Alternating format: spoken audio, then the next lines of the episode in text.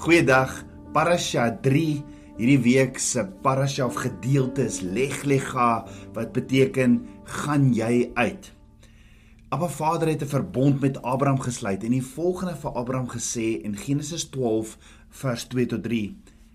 Ek sal jou 'n groot nasie maak en jou seën en jou naam so groot maak dat jy 'n seën sal wees en ek sal seën diegene wat jou seën en hom vervloek wat jou vervloek en in jou sal al die geslagte van die aarde geseën word. So Abraham het woord van Abba Vader ontvang dat hy 'n seun gaan kry en dat hy die vader van 'n baie groot nasie gaan wees, maar Abraham het egter geweet dat sy vrou onvrugbaar was. Dan in Genesis 15 vers 2 tot 4 vra Abraham vir Abba Vader: "Here, Here, wat sal U my gee?" Aangesien ek sonder kinders heen gaan en die erfgenaam van my huis die Damaske kenner Eliezer is. Verder het Abraham gesê: "In my het u geen nageslag gegee nie, so sal dan die bediende van my huis my erfgenaam wees." Toe kom die woord van Jahweh tot hom en sê: "Hierdie een sal jou erfgenaam nie wees nie, maar die een wat uit jou liggaam sal voortkom, hy sal jou erfgenaam wees." Met ander woorde, Abraham sien, hy is al oud en volgens hom is dit onwaarskynlik en selfs onmoontlik dat sy vrou wat onvrugbaar is, sal swanger word. En maak Abraham 'n plan of so probeer Abraham toe vir Abba Vader uit te help dat Abba Vader nie in die moeilikheid kom oor die belofte wat hy gemaak het of wat die belofte wat gemaak is wat nie sal waar word nie want sy vrou is onvrugbaar en Abraham en sy vrou Sara is nou al baie oud. Jy sien ons kom in die moeilikheid wanneer ons Abba Vader probeer uithelp of wanneer Abba Vader vir ons 'n droom gee en ons probeer hierdie droom self bewerkstellig. Abba Vader het nie nodig dat ek en jy hom moet uithelp nie asof hy asof hy magteloos is en asof hy dit nie gaan kan asof dit nie gaan gaan kan gebeur wat sy woord of belofte wat hy oor ons gespreek het sê nie. En die vraag is hoekom sukkel ons net so so baie om op 'n Vader te vertrou?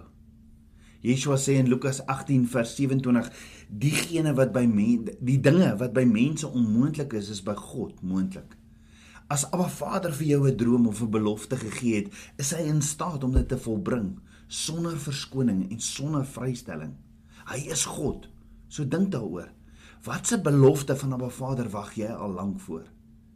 Jy sien Abraham probeer bestuur vat oor hierdie droom of belofte van Abba Vader deur middel van sy knegg Eliezer en Abba Vader sê vir Abraham in Genesis 15 vers 4 tot 5 hierdie een sal jou erfgenaam nie wees nie maar die een wat uit jou liggaam sal voortkom hy sal jou erfgenaam wees en daarop bly hy hom uit na buite met die woorde kyk nou op na die hemel en die sterre en as jy hulle kan tel en hy, en hy sê vir hom so sal jou nageslag wees.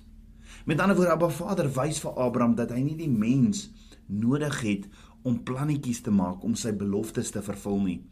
En so bietjie later, hier kom Sara en sê in Genesis 16 vers 2 tot 3, jy weet, Jahwe het my nie toegelaat om 'n moeder te word nie.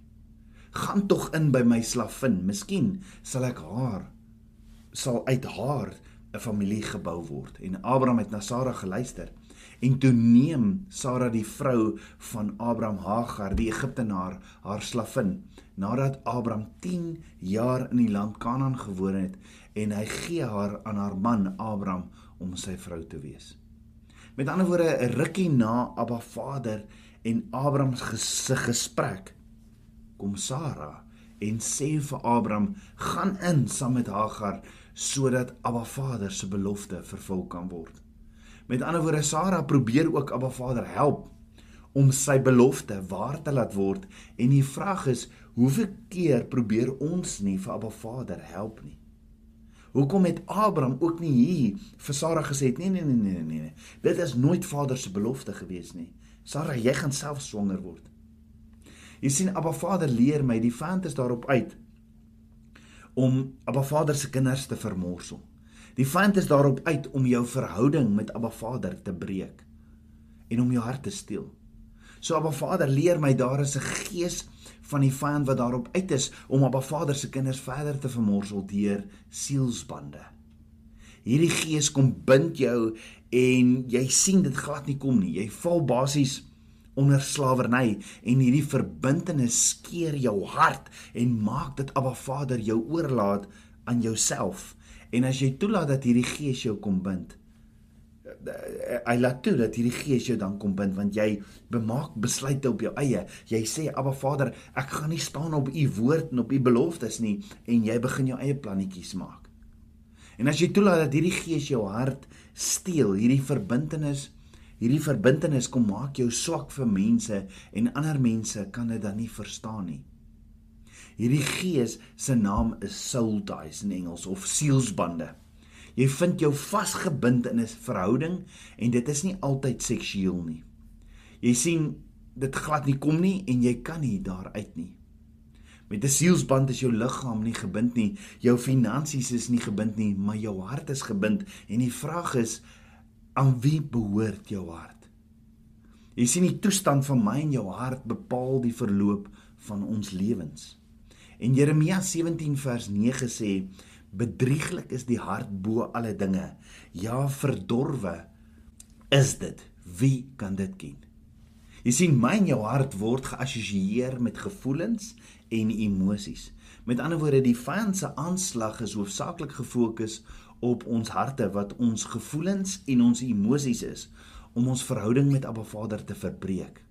Daarom is my en jou grootste verantwoordelikheid is is is ons harte om ons harte te bewaar want Abba Vader sê in Spreuke 4 vers 23 bewaak jou hart meer as alles wat bewaar moet word want daaruit is die oorsprong van die lewe.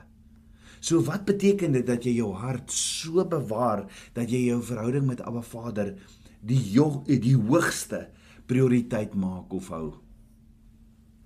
Dit beteken niks of niemand is belangriker as Abba Vader in jou lewe nie. Jy sien Abba Vader is nog altyd op soek na jou hart, 'n vennootskap, 'n verhouding met jou waar jy vir hom sy regmatige gedeelte gee, die eerste van jou hart. Want sien Abba Vader het reeds die onmoontlike gedoen. Hy het jou 'n hartklop gegee. Want dink daaroor. Dis nie of ek en jy enige iets doen om ons harte te laat klop nie. Nee. Die gemiddelde hartslag per minuut is 72 en wat doen ek en jy om dit te laat gebeur? Ons harte klop 4320 keer per per uur. 103680 keer per dag en elke hartklop is net Abba Vader se genade en die vraag is klop jou hart nog vir hom is hy die koning van jou hart jy sien die gees van sielbande kom bind jou hart en jou hart word verbind aan iemand uit verbondheid jy jy sien sielsbande vorm wanneer twee of meer persone saam gesmee of verbind word Sommige van hierdie verbintenisse is heilig en goed, terwyl ander verkeerd, ongoddelik en demonies is. En Abba Vader sê in Genesis 2 vers 24: "Daarom sal die man sy vader en moeder verlaat en sy vrou aankleef en hulle sal een vlees wees." Hierdie skrif beeld die eerste huwelik uit wat tussen 'n man en 'n vrou plaasgevind het. In Hebreëus is die betekenis van hierdie woord aankleef om twee voorwerpe aan mekaar vas te swys. Wanneer jy twee stukke yster aan mekaar vasswys, het jy nie meer twee aparte, aparte voorwerpe nie, maar een hele nuwe voorwerp wat nie weer geskei kan word nie. So wanneer 'n man en 'n vrou trou, is dit soos twee stukke ysters wat deur Abba Vader se asem aan mekaar vasgeswys word. Hulle is daarom nie meer twee aparte identiteite nie, maar hulle is nou een. So wat beteken dit as ek 'n sielsband het? Dit beteken jou siel fragment met wie jy intiem betrokke geraak het word uiters jaloers aan jou vorige sielsverbintenisse se liefde en aandag.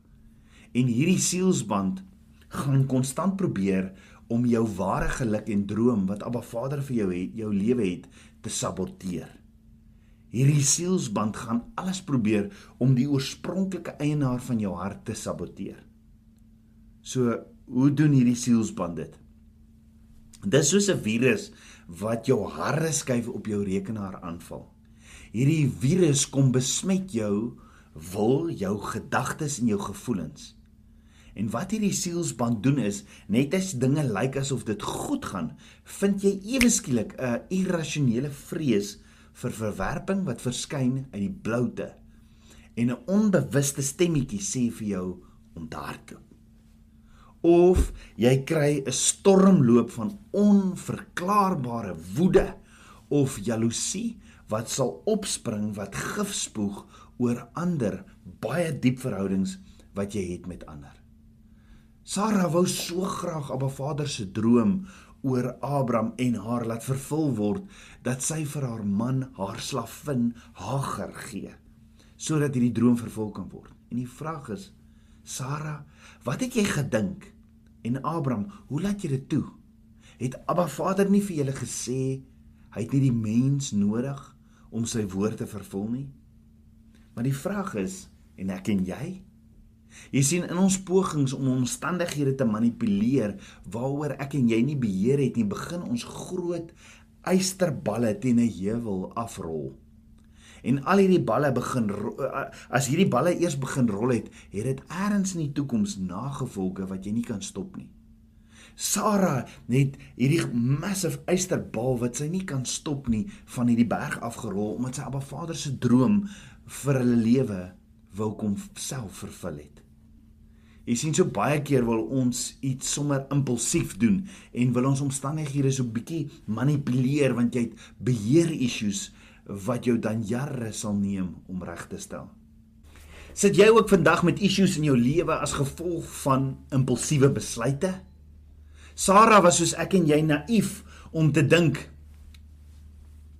sy gaan hierdie omstandighede en die droom van Abba Vader manipuleer en om te dink daar gaan geen nagevolge wees nie. Kan jy vir 'n oomblik dink hoe moes Sara gevoel het toe Hagar swanger geword het en sy begin draai het en Hagar roep vir Abraham om te kom voel hoe skop die baba? Kan jy dink wat se jaloesie het Sara oor haarself gebring weens beheer issues? Kan jy dink hoe Hagar gespog oor haar baba soos wat vrouens doen? En Sara is heeltemal uitgelaat in hierdie situasie. Jy sien Hagar het nou iets in gemeen met Abraham wat Sara nie het nie.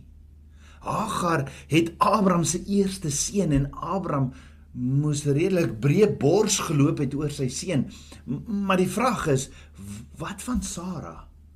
Hoe het dit Sara nou laat voel? Maar Vader leer my goddelose sielsbande kom om my hart te, te skeer in stukke en eintlik behoort jou hart mos aan hom. Ja goddelose sielsbande is wanneer die emosies, die verstand en die wil van die mens verstrengel raak tot die punt waar jou gedagtes nie meer jou eie is nie. 'n Goddelose sielsband vind plaas wanneer iemand onnatuurlik en buitengewoon deur iemand anders in die sielsdimensie dis nou die wil en emosies geaffekteer word en 'n sterk drang na so iemand het. Hoeveel keer het ek en jy nie besluite gemaak so Sara en Abraham nie? En mag ons terugdraai na Ba Vader toe en vra vir, vir vergifnis. Mag ons vandag van Ba Vader weer beheer gee oor sy drome vir ons en mag ons leer om te wag op hom. Mag ons vandag weer vir Abba Vader die regmatige plek van ons harte gee en mag hy die koning van ons hart wees. Ja, Tabernakels kind van Abba, Abba het 'n droom vir jou, sal jy op hom wag, want hy weet, hy weet wat hy vir jou beplan, 'n hoopvolle toekoms. Sal jy op hom wag, want sy tyd is die beste tyd. Kom ons bid saam. Aba Vader, koning van my hart, Aba Vader, ek loof en ek prys U. Vader, hier is my hart. Kom was my met die waterbad van U woord en kom leef U droom in my. Vader, ek is jammer dat ek soos Abraham en Sara plannetjies maak, manipuleer die droom wat U vir my het. Ek sal op U wag, Vader, want ek weet U weet die beste vir my.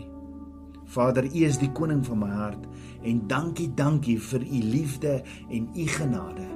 Leer my om my hart te bewaar en om te wag op U. Ek bid dit alles in Yeshua, Hamasiach se naam, die seun van Jahweh. Amen. Shalom. Goeiedag Tabernakels kind van Abba. As jy weekliks hierdie preke wil ontvang, gaan volg ons Facebookblad en ons YouTube kanaal en jy sal dit weekliks kry. Mag jy Shalom dag hê. Shalom.